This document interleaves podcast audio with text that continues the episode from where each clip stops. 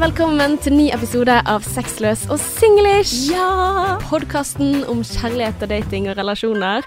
Og Martine Onstad. Jeg sitter her. Yes, Og jeg heter Ella Åse Anker. Um, dette her er en litt spesiell episode. Ja. Ja. Jeg har gledet meg til å fortelle det, men òg utsatt det så lenge som overhodet mulig. Mhm. Fordi at uh, jeg ikke har lyst til å være ja, for tidlig ute, for det har jeg opplevd å være før, da. Ja. Men nå føler jeg at ting er ganske sånn Jeg kjenner på sommerfugl i magen bare å snakke om det. Men nå kjenner jeg at ting er såpass uh, written eh, in stone, på en måte, at ting kommer til å skje. Mm. Uh, og prosessen er ganske kraftig i gang. Mm. Så det begynner jo blir på tide med å begynne å tease det og fortelle om det. Ja, og ja. dette her var jo noen ting vi annonserte allerede i august 2020, tror jeg. At uh, både jeg og du hadde store nyheter som kom til å komme. Eh, jeg har delt min nyhet, og eh, den eh, kan man også se på meg. Nå Ja, er det Ganske gravid. Ja, veldig gravid, så dette er faktisk min siste episode på en liten stund. Ja, det blir trist. Mm, men vi er nå tilbake igjen etterpå. Jeg skal bare tenke at når, når han, han kommer, så skal jeg ha en liten pause for å liksom fokusere på det å være mamma, for jeg vet jo ikke hvem man er, eller hvordan det, det blir. Ja. Men så har jo vi sagt også det at vi må komme med Martines store nyhet, og Ja. det er det denne episoden her skal handle om. Ja. Mm. Skal jeg si det, da? Ja, jeg tror, bare, jeg tror bare du må si det. Ah, OK. Den store nyheten som jeg har sittet og ruget på siden uh, juli i fjor, Mm. det er da at jeg skal gi ut bok! Og det er så gøy! Herregud. Ja, herregud. Ja, det er helt vilt. Mm. Og ja, eh, jeg har eh, ønsket å gjøre dette i veldig mange år. Mm. Men det er rett og slett eh, ting som har skjedd. Det var jo et forlag, som mange vet, som eh, jeg gikk ut av. Mm. For det var rett og slett så uprofesjonelt, og de har jo blitt eh, rævkjørt i media de siste tiden, så det er ikke noe tvil om at jeg eh, var inne på noe der Mhm. når det kom til det forlaget, for å Ja. si det sånn. Så jeg er veldig glad for at det skjedde, og det liksom forsterker troen min på at ting skjer for en grunn. Mm. Den var ikke moden ennå. Ja. For når jeg ble kjent med deg, så skulle du gi ut bok da også, med Mm. under et annet forlag, og jeg husker du var dritstresset Mm. i den perioden der. Mm. Ja. At det var sånn OK, hva skjer, hva skjer ikke? Og så har man gått ut og sagt at OK, nå skjer det, og så ja. Ja, og, og kjæresten min har jo virkelig mast på meg og sagt Kom an, send den ut til alle forlag, få det på, men jeg har Mm. rett og slett ikke vært klar for det, da. Mm. på en eller annen grunn. Uh, og så, ja, fikk jeg bare reven i, i giret og bare OK, greit, nå. Nå er jeg klar. Men det er så spennende! Ja, jeg skal gi ut Herregud, du skal gi ut bok! Jeg skal gi ut bok. Herlighet, du skal gi ut bok! Ja, og, Ja. og for de som ikke vet det, da, eh, mest sannsynlig så vet jo de som har fulgt med oss en stund, at det her handler om kjærlighet. Ja. Det er jo noe som jeg føler livet mitt handler om å eh, Altså, Ja. å formidle kjærlighet og forstå seg på kjærlighet. Det er min oppgave i livet. ja. I hvert fall, ja, en del av det. Så det, altså, jeg, jeg har så mange spørsmål knyttet til dette her. For at det, altså, det er både litt sånn her OK, hvordan i helsike skriver man en hel bok, og hvordan klarer du liksom å stå i den prosessen der? Og særlig også når du møter så mye motstand. Så jeg har også lyst til å høre mer om hvilken motstand du har stått i i denne prosessen her. Ja.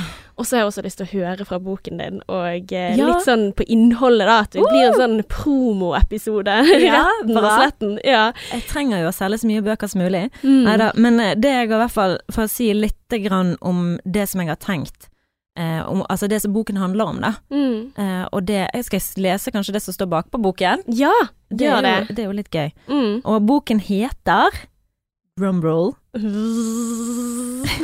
'Drømmemann fra helvete'. Ganske brutalt der, altså. ja. Ok, så det som står bak på boken det er Det sies at når du har møtt den rette, så vet du det. Blikket fra den andre personen sender en storm av følelser gjennom kroppen. Hjertet banker, sommerfugler danser. Intuisjonen roper 'her er drømmemannen'. Kirkeklokkene ringer, og dere er lykkelige alle deres dager. Det skjedde med meg. Eller, ikke helt. Ikke bryllupet, bare følelsen. Han sto rett foran meg og så på meg med et blikk jeg følte meg hjemme i. Han sa alle de rette tingene, og jeg falt pladask. Denne romanen handler om brå og intens kjærlighet på grensen til galskap. Kan man overbevise noen om at man er den rette? Oh. Så det er min lille, ja, min lille kjærlighetssorg og alle følelsene som jeg gikk igjennom. og meg som prøver å finne ut av hvordan vi mennesker fungerer samtidig som jeg går gjennom alt dette her. Så jeg Mm. har òg hentet inn liksom Adrian, på en måte, eller ikke Adrian, jeg kan ikke si det, men har en fiksjon eh, eh, i eh, at jeg møter en mann som er helt annerledes, og som jeg har en helt annen erfaring med Mm. enn det jeg hadde med han her. Eh, eller ja, Det er liksom basert på eh, dårlig erfaring med menn generelt. Så det er liksom litt sånn en blanding av menn som jeg har møtt tidligere, hvor jeg har følt liksom at her var det riktig, sant, og så har det bare vært douchebags. mm. Eh, og så hva du gjør da når du møter den rette, og har med deg all den bagasjen inn i forholdet. Mm. Hva gjør du med bagasjen? Hva skjer med følelsene når Mm. Ja, The one that got away, liksom. ja, ja litt Mm. den der, da. Så det, det, det som jeg syns er veldig fint med boken, det er at jeg da reflekterer tilbake. Mm. Sånn At jeg inni boken og går gjennom de følelsene når du står utenfor det, når du er ferdig med det, når du har gått videre. Mm. Og hva tenker du om det som skjedde? Mm. Og dette har jo vært virkelig liksom babyen din Ja. i lang, lang tid.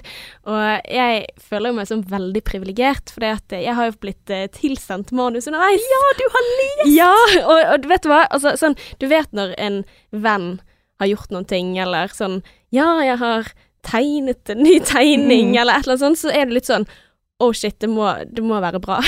altså, åh, hvordan det, det er liksom det verste hvis noen på en måte sånn Ja, vil du si at jeg gjør standup? Og så kommer du der, og så, så er du på en måte så avhengig av at åh, jeg har så lyst til at dette skal være bra. Ja. Uh, så jeg husker liksom sånn hvor jeg tenkte sånn åh, jeg har så lyst til å lese Martines bok, og jeg vet jo at det du gjør, altså det du tar i, er, er bra, da. Men så tenkte jeg litt sånn også, det kan jo hende at dette her er en sånn typisk bok jeg ikke ville like, eller Mm. Så jeg sa litt sånn Ja, kan ikke du sende ett kapittel, da?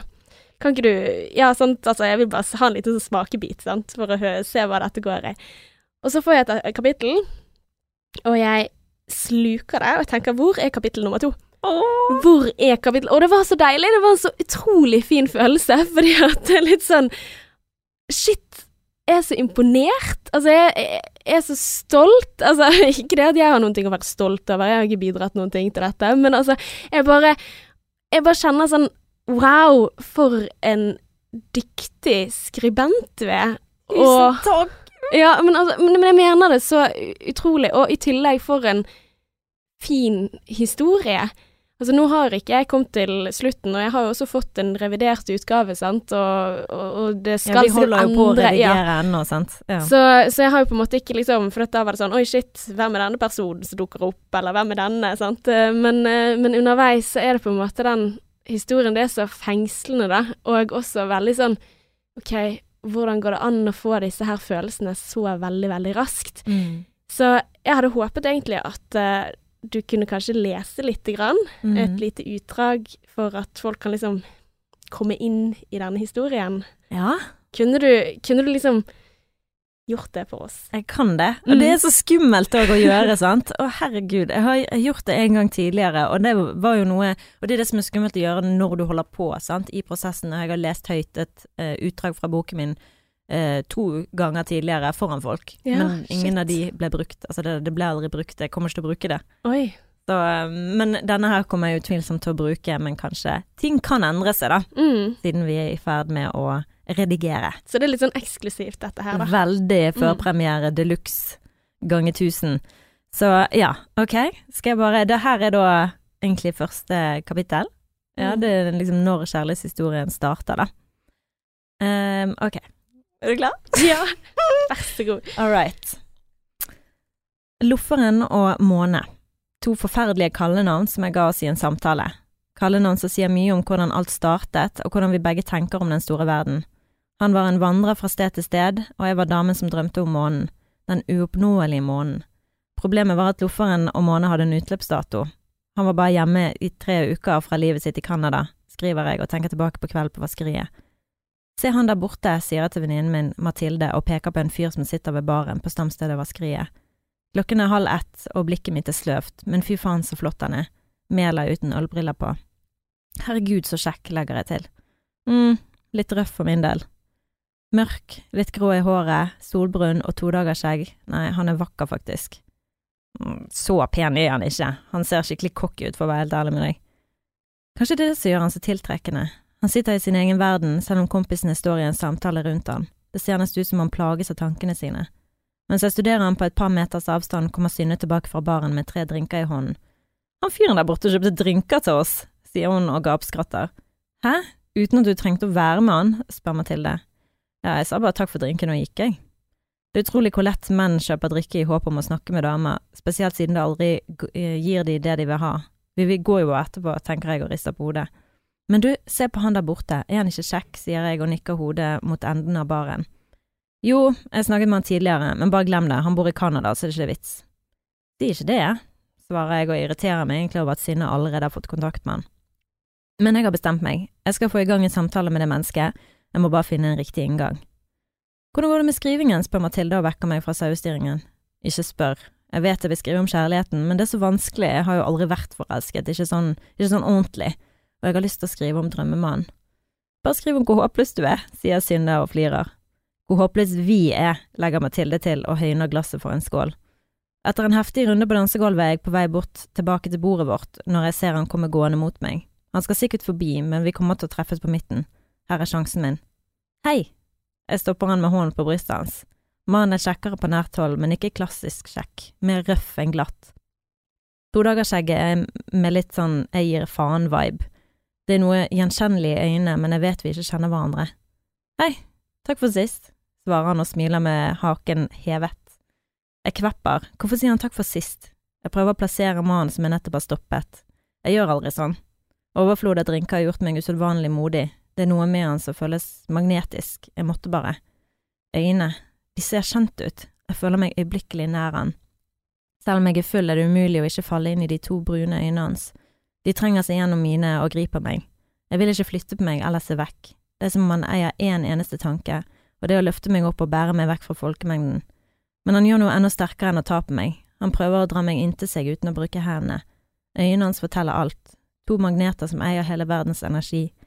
Vi er omringet av fulle mennesker som dulter oss i oss fra alle kanter, men han ser ikke ut til å la seg rikke av en eneste en. Han bare ser på meg, munnen litt åpen. Blikket virker låst. Å ja, du han drittsekken, du, sier jeg og rister oss ut av hypnosen. Han legger hodet på skakke uten å svare på tiltale, men han står der, like stødig, rett foran meg, ventende, med hendene på ryggen.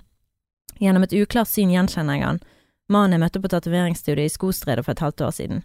Siden da jeg skulle ta matchende tatovering, den gang fornærmet han meg, og sånt glemmer man ikke. Mitt raske tilbakeblikk i, eh, på januar henter meg inn igjen på vaskeriet, rett overfor den bråkjekke mannen. Han ser ned på meg, selvsikkerheten hans viser seg på haken. Den peker oppover, selv om han allerede er ti centimeter høyere enn mine 172. Øynene hans hviler og myser samtidig, han virker edru mens jeg prøver å få bakken til å slutte å bevege seg under beina mine. Han bøyer seg fremover og sier selvsikkert, du synes jeg var en drittsekk? Han lener seg nærmere, rett ved siden av øret mitt, og hvisker. Da skal jeg prøve å rette på det inntrykket. Han går videre uten å vente på responsen min. Hvordan skal han rette på det, og når? Han gikk jo uten at jeg rakk å si noe som helst. Jeg snur meg etter han og ser han forsvinne inn i lokalet, inn i folkemengden. Fy faen for en cocky jævel. Oh, shit, Martine. Det var et langt kapittel. Jeg, jeg, så ting som jeg måtte redigere mens jeg leste det høyt. Jeg bare, gud, det må jeg jo fikse. Men uh, ja. Åh, Det, wow. ja, Ja. det var et uh, kapittel, vet du. Mm. Når jeg møtte The One. Oi, oi, oi. Altså, det er så mye som skjer her. Mm. Det er altså wow. Altså, det er veldig Altså, det er så gjenkjennelig også. Og så er det også så rart, den der fascinasjonen du får fra, fra denne fremmede personen. Mm. Jeg har aldri opplevd noe lignende. Altså, jeg har jo sett menn der jeg liksom har tenkt eh, wow, han var kjekk, men dette Mm. var noe helt weird. Ja, og også den kjemien som tydeligvis han også kjenner, da. Mm. Men samtidig den derre frekkas måten å Mm. være på byen, Mm. og bare gi lite grann, og så går. Mm. Hva, hva er greien med det? Ja, det i heiene. Sant, det er jo sånn live and, mo- live and wanting more. Mm. God på teasing, han der. Ja, Det må en si. Jøss. Nei, Um, dette er en veldig spennende historie, ja, og um, Starten på noe jævlig heftig, for å si det sånn. Ja, så Gud, jeg skjønner at uh, du gleder deg til å gi dette ut, altså. Og det tenker jeg til du som hører på også. Altså, det er verdt lett å, å lese. Mm. Um, Men jeg ser jeg har ting jeg må redigere, så det er liksom noe som er sånn Det som er faren med å lese noe høyt før det på en måte er Mm. ferdig, sant. For det er sånn ok, det var mye hopping fram og tilbake i tid. Klarte folk å følge med når jeg gikk tilbake dit og tenkte der. mm. Så jeg ser det er ting som må fikses, men eh, ja. Men eh, hvor mye tid har du? Når er det dette her skjer, tror du? Den skal gis ut i juni, Herregud! så det nærmer jo seg. Det kommer jo til å gå kjempefort for min del, liksom. Ja. Juni. Men, Mm. altså, men kan, jeg- kan jeg bare spørre, altså, det å skrive en bok, Ja. hvor lang tid bruker man på å skrive en bok? Veldig lang tid. Ja. Altså, bare tanken på hvor mange ganger jeg har lest denne boken her, om igjen og om igjen, og hver gang så finner jeg noe nytt som jeg vil fikse på. Mm. For du blir blind for egne ord, og det er liksom sånn noen ting hopper øynene dine over uten, tenke, uten at du tenker på det. Mm. Uh, så nei, det er en heftig prosess, men det som jeg gjorde som jeg egentlig angrer på, for dette, jeg vil jo skrive en ny bok om meg og Mm. han som jeg vil bo med nå, basert på fiksjon, ja, jeg kan ikke si at jeg skal skrive bok om han, men jeg vil skrive om den opplevelsen, da. Mm. Og det som ergrer meg, er jo at jeg ikke har skrevet sånn som jeg gjorde her. Mm. Ja, altså det var jo nesten sånn at jeg løp hjem og måtte begynne å skrive, Ja. sånn, for jeg var så inspirert. Å ja, fordi at du drev og skrev samtidig så du opplevde ting. Ja. Altså, ja. I øyeblikket. du-. Og det er jo det er den beste måten å gjøre det på. Så jeg har liksom for, sånn her og der laget notater på mobilen, men ikke sånn Mm. sammenhengende som dette her, og det, ja, det ergrer meg. For det, det er det beste du kan gjøre. For det jeg egentlig har gjort, det er å skrive en side hver dag Mm. underveis. Ja. Og det, for meg så ble det etter hvert terapi, sant. Mm. Med tanke på den. For du har skrevet liksom liksom dagbok i, i lang tid, da, på en Ja. måte. Ja. Og, og satt det sammen. Men det skal jo sies at det er mye som er endret på, og mye Mm. som er gjort annerledes. Og fiksjon og Og fiksjon og, og ting, sant. Altså å hente inn alle de erfaringene som du har hatt med type Mm. fuckboys, sant. mm. Uh, og, og det å få det til å bli på en måte én person. Mm. Så um, ja. Men det der, eh, altså hvis du liksom kan Altså jeg tenker jo at det er sikkert veldig mange som drømmer om et prosjekt man har gående. Altså det at man har en idé, og det å faktisk gjennomføre det. Mm. Så hva er dine tips til oss andre da, som gjerne skulle hatt litt av denne her eh, ja, disiplinen som du har hatt da, i og med at eh, du har skrevet en bok, og når filen består av 400 sider, liksom. Det er Mm. sånn wow. Ja, det er helt spaced å tenke på at jeg har skrevet Altså, jeg har jo skrevet 100 000 ord, men liksom kuttet det ned, så nå er vi nede på Mm. 80 et eller annet, sant. 80 000. Så det er jo Når du ser på det som et stort prosjekt, Mm. så blir det jo veldig overveldende. Mm. Og umulig, nesten. Mm. Så jeg anbefaler bare ta det sånn som jeg sier, ett steg om gangen. Sant? Skrive en side, sette av tid, en time til at ok, nå skal jeg skrive. Men hvis ikke Mm. du føler for det Jeg òg har perioder hvor jeg har skrivesperre de luxe. sant? Jeg har ikke følelser for det, Mm. så da gjør jeg det ikke. Mm. Men så har jeg jo òg det at hvis jeg setter meg ned, så kan jeg starte uinspirert, men så bare kommer du inn i det, og så eh, blir du der i Mm. kanskje to-tre timer. Uten at det var planlagt. Så det å bare liksom skrive litt og litt, og ikke se på det som et stort prosjekt, men bare se på det som én side av gangen, på en måte. Mm.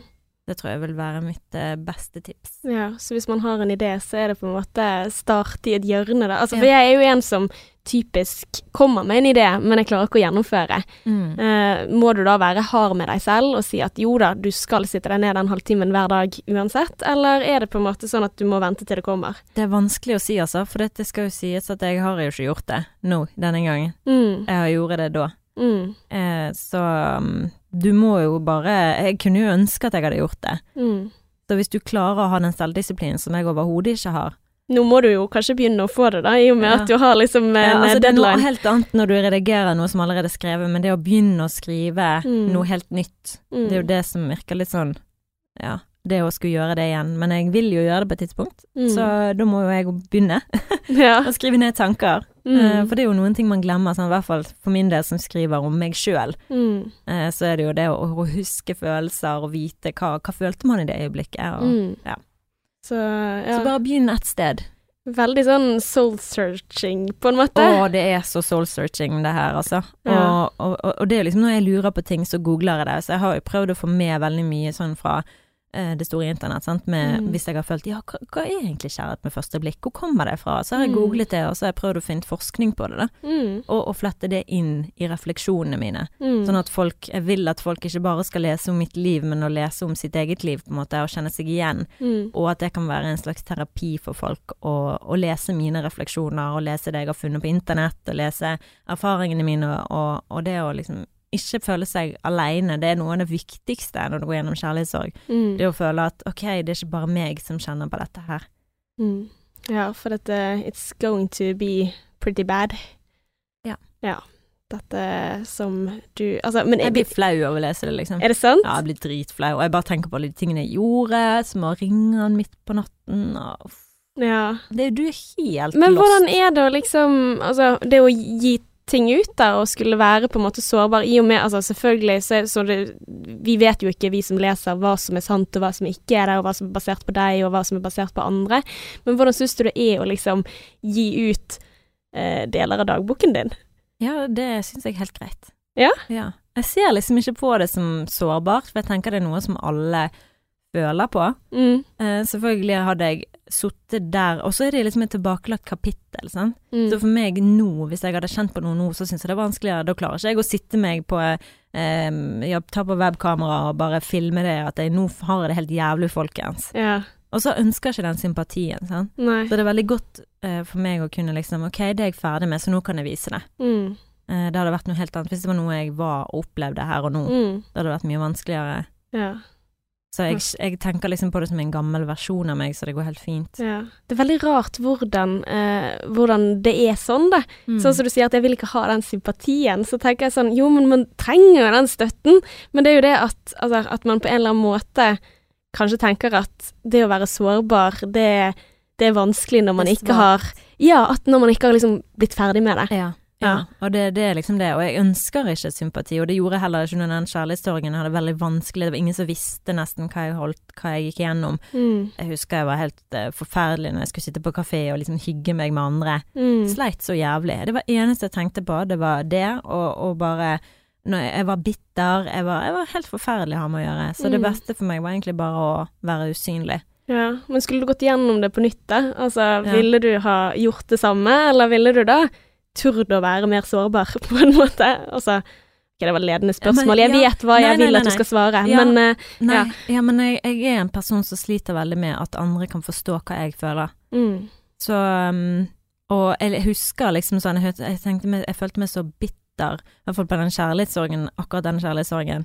Eh, fordi at jeg hadde en venninne som hadde blitt dumpet av typen sin. mm, Og jeg husker jeg følte meg så eh, Når jeg datet en av disse mennene som denne boken er basert på, så jeg følte meg veldig ovenpå. At liksom Ja, det kommer aldri til å skje med meg, og stakkars deg, men det, der er ikke jeg, liksom. Hun Mm. kunne av og til sammenligne oss. Og jeg var sånn, nei, nei, det er ikke meg i det hele tatt. Så jeg følte meg veldig sånn, akkurat som at jeg hadde drept meg ut når det gikk til helvete. ja. Og det var sånn, men jeg trodde jo at vi var så sterke, ut ifra egentlig ingenting, ut ifra hva da, et par måneder, et par uker, så uh, ja. Uh, så det, nei, jeg tror jeg, kanskje jeg ville bare gjort det, det samme. Jeg vet ikke, det er vanskelig å si, det er vanskelig å si. ja. Eh, Det er jo fornuftig å være åpen, for jeg tror det kan hjelpe deg lettere ut av det, da. For Mm, jeg var jo inne i denne her greiene her altfor lenge. ja. Flere år. Ja, shit. Så mm. Ja, altså psykologen i meg har lyst til å si at uh, Jeg burde gå til psykolog. Det, det, det er noe jeg tenker liksom jeg kunne gjort for meg Mm. sjøl. Det tror jeg hadde hjulpet meg. mm. Å gå til noen som faktisk hadde gode råd, og som ikke på en måte Som kunne ha gode råd til å løse det for å hjelpe meg å løse det, da. Mm. Og finne fornuften. Ja. Ja, nei, altså jeg, jeg føler jo litt sånn, altså som terapeut, da, så Mm. føler jeg liksom at min rolle i terapirommet ofte er jo å, å koble på de viktige personene i ditt liv som kunne ha støttet deg, og at jeg kan være sånn midlertidig støtte til du tør å, å nå ut til andre. Men det som er så rart her, er jo det at du når jo plutselig ut til alle. Sant? Mm. Altså, ja, OK, du har, har overvunnet dette her, men, men jeg håper jo det at neste gang, Martine, så, så ville du ha turt å være sårbar, og ikke sett på det som en sånn åh, liker ikke at folk gir meg sympati, men heller at ja, vi alle har behov for noen som er der, sant. Mm. Altså, når vi opplever kriser, altså, mennesker tåler de utroligste ting, altså, eh, ja, krig og forferdelige ting, men du har økt risiko for å ha traumatiske sorgreaksjoner eller traumatisk stress hvis du går igjennom det alene. Å ja. Ja. ja. For det gir jo mening. For jeg var jo traumatisert herfra til helvete eh, etter den eh, ene opplevelsen jeg hadde. ja, og ting er vanskeligere når man går igjennom det alene, men så Mm. er det på en måte det der at da må man også tørre å, å være sårbar. Men det som jeg syns er så utrolig, er jo at det er jo du du deler av dette nå, sant? altså, og, det, og, det, kan jo hende at Altså, vi er jo forskjellige, sant. Altså, eh, noen søker støtte gjennom bøker, eller sånn som du sier, gjennom terapi, eller gjennom Mm. sånne ting. Men det, det er veldig interessant, da. Så um, ja. Jeg er veldig eh, Jeg har ikke kommet til den biten som er mest sårbar ennå, men jeg, jeg gleder meg til å lese det. Eh, Mm. Virkelig. Um, og det syns jeg er veldig modig gjort, det. Jeg har gjort meg mer ydmyk i kjærligheten, da. Det skal Ja. sies. Jeg tror aldri jeg har fasit nå lenger, for å si det sånn. Jeg trodde, jeg trodde jeg visste og visste ingenting, så det har i hvert fall gjort meg veldig sånn ned på jorden om at liksom Nei, Martine, det er ikke én Mm. the one. Det er mange forskjellige erfaringer man skal ha med seg i livet, og ja. Ja. Det, Men tror du noen gang at vi blir klok på kjærlighet? Ja, Det er et godt spørsmål. Jeg håper jo det. Altså sånne mennesker som Helen Fisher, for eksempel, som forsker på det. Ja. det jeg tror jo at det, og jeg så jo en YouTube-video av en, altså en TED-talk, da, Mm. hvor det var en som fortalte at hun hadde eh, brukt hjerneskanning til å helbrede kjærlighetssorgen sin. Yes. Ja, ved å liksom trigge følelser når du så bildet av personen, og hun følte at det hjalp. Og hun sa jeg vet Ja. ikke om det er liksom Og det var jo bare et eksperiment. Ja. Og sånn, du, jeg lurer på om forskning kan hjelpe meg å løse kjærlighetssorgen. For dette er jo sånn Med kjærlighetssorg er jo en sånn uendelig tema, da. Mm. For vi har ikke noe svar. Tid, sier de. Mm. Tid! Ja, ok. Ja. Og så vil jeg si Den- støtte. Ja, sant. Eh, forståelse, kanskje. Mm. Men det eh, krever jo også at du har noen som faktisk du tør å slippe inn, og som også kan forstå deg. Mm. Det er jo ikke altså, gitt at man har det. Nei. Og så tror jeg òg det, det hadde hjulpet å gå til kjernen av problemet og liksom lære seg bedre å kjenne hvorfor går du gjennom dette, hvorfor eh, er det, kan det være en biologisk grunn til at dette skjedde?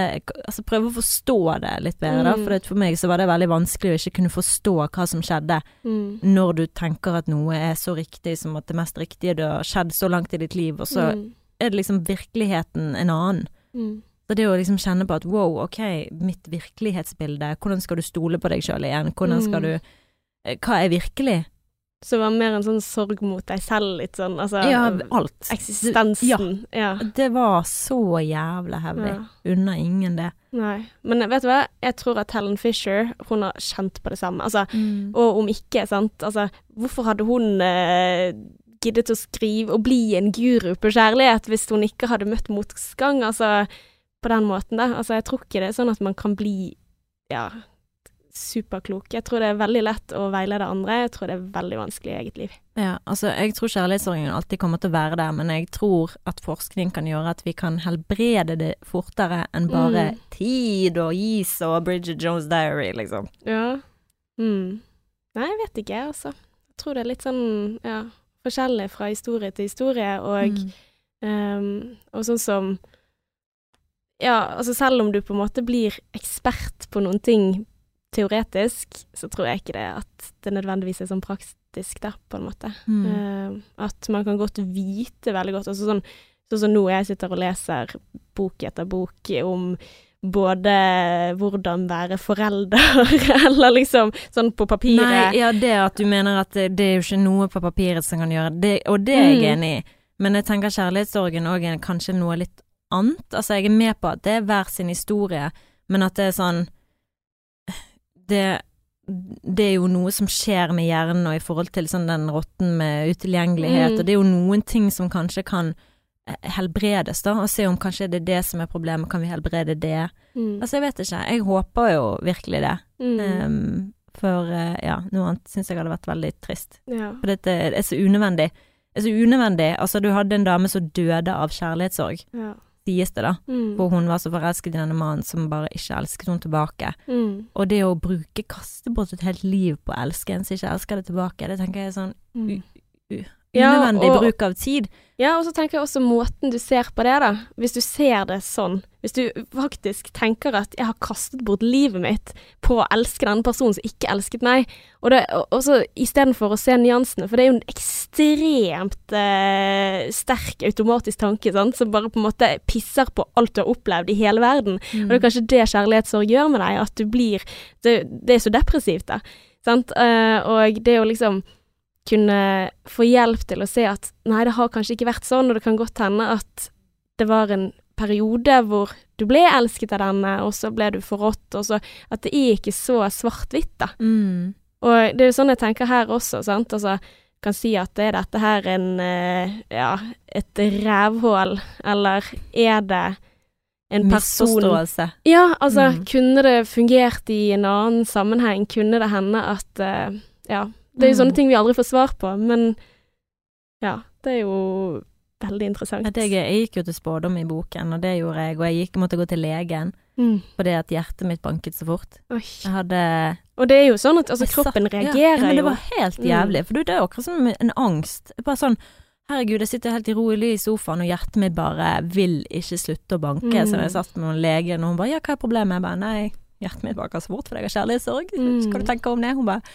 'hm, ok, Mm. ja vel'. Så- Ja, men det har jo altså, det, det har jeg full tro på. For det, at, altså, altså, det er jo ikke sånn at psyken vår og uh, det fysiske på en Det er to forskjellige ting. Det er jo en sammensatt greie, uten tvil. Absolutt. Og, Mm. og det viser jo forskning også, sant. Altså de som har opplevd veldig traumatiske ting, har økt sannsynlighet for å bli syk av fysiske ting. Altså Ja, nei, det, det er ganske sånn komplekst hvordan vi fungerer, da. Mm.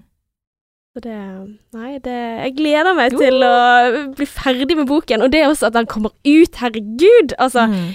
et eksemplar av ditt verk. Ja. Ja. Jeg gleder meg bare til å holde den i hånden på dette tidspunktet her, Ja. for det har jo ikke vært eh, lett. Nei. Men nå eh, runder vi av, eh, Ella Bella, Mm. gjør ikke vi det? Jo, men uh, tusen takk for at du har delt om uh, boken din, og Ja. jeg gleder meg til fortsettelsen, og gratulerer.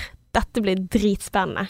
Tusen takk. Og så håper jeg virkelig at denne boken kan være til hjelp for deg som har gått gjennom noe lignende. Det er det som jeg det det, altså det er derfor jeg gjør dette her. Mm. Jeg har lyst at Jeg har lyst til å få noe nyttig ut av den kjærlighetssorgen. Mm. Og forhåpentligvis så blir det det. Mm. At folk ja, kan hile seg med meg. Ja.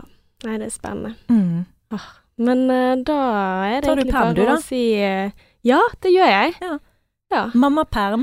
Ja, nå, uh, dette er jo spilt inn litt på forhånd, sant? Så, men man vet jo aldri når babyen er klar for å se verden. Så vi får ja, får ta det som det kommer. Men uh, vi, Sexløs og Singlish, kommer til å være her. Du, Martine, du finner på et opplegg Ja.